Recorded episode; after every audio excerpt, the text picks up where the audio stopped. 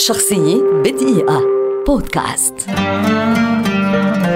ماريا كالاس الملقبة بلاديفينا مغنية أوبرا يونانية شهيرة ولدت عام 1923 وتعد من أعظم الأصوات الأوبرالية في التاريخ إن لم تكن الأعظم على الإطلاق. درست العزف على البيانو وأصول الغناء في اليونان وبدأت مسيرتها الفنية في أواخر الثلاثينات ثم بلغت ذروة عطائها في الخمسينات والنصف الأول من الستينات وذلك في عالم الأوبرا دون سواه. فإلى جانب صوتها الاستثنائي كانت كالاس تضيف على أدائها التعبير الداعم للكلمة والموسيقى من خلال التمثيل. ولهذا السبب تشكل التسجيلات الحية الجزء الأهم في إرثها الفني الكبير. ما ميز ماريا كالاس هو أن صوتها كان دراميا يتمتع بقدرة عالية على التلوين وكان من طبقة السوبرانو وهي الطبقة الأعلى بين أصوات النساء ولربما تكون أشهر مغنية أوبرا في فترة ما بعد الحرب العالمية الثانية. وكانت مغنية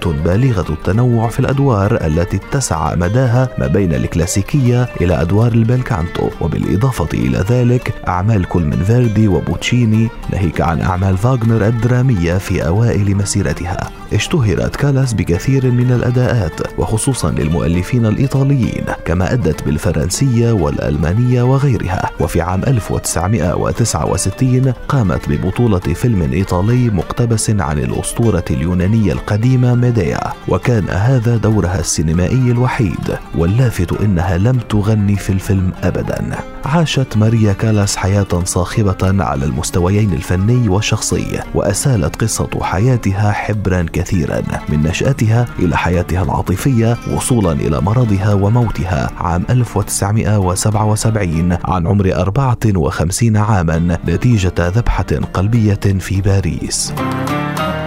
شخصية بدقيقة. بودكاست.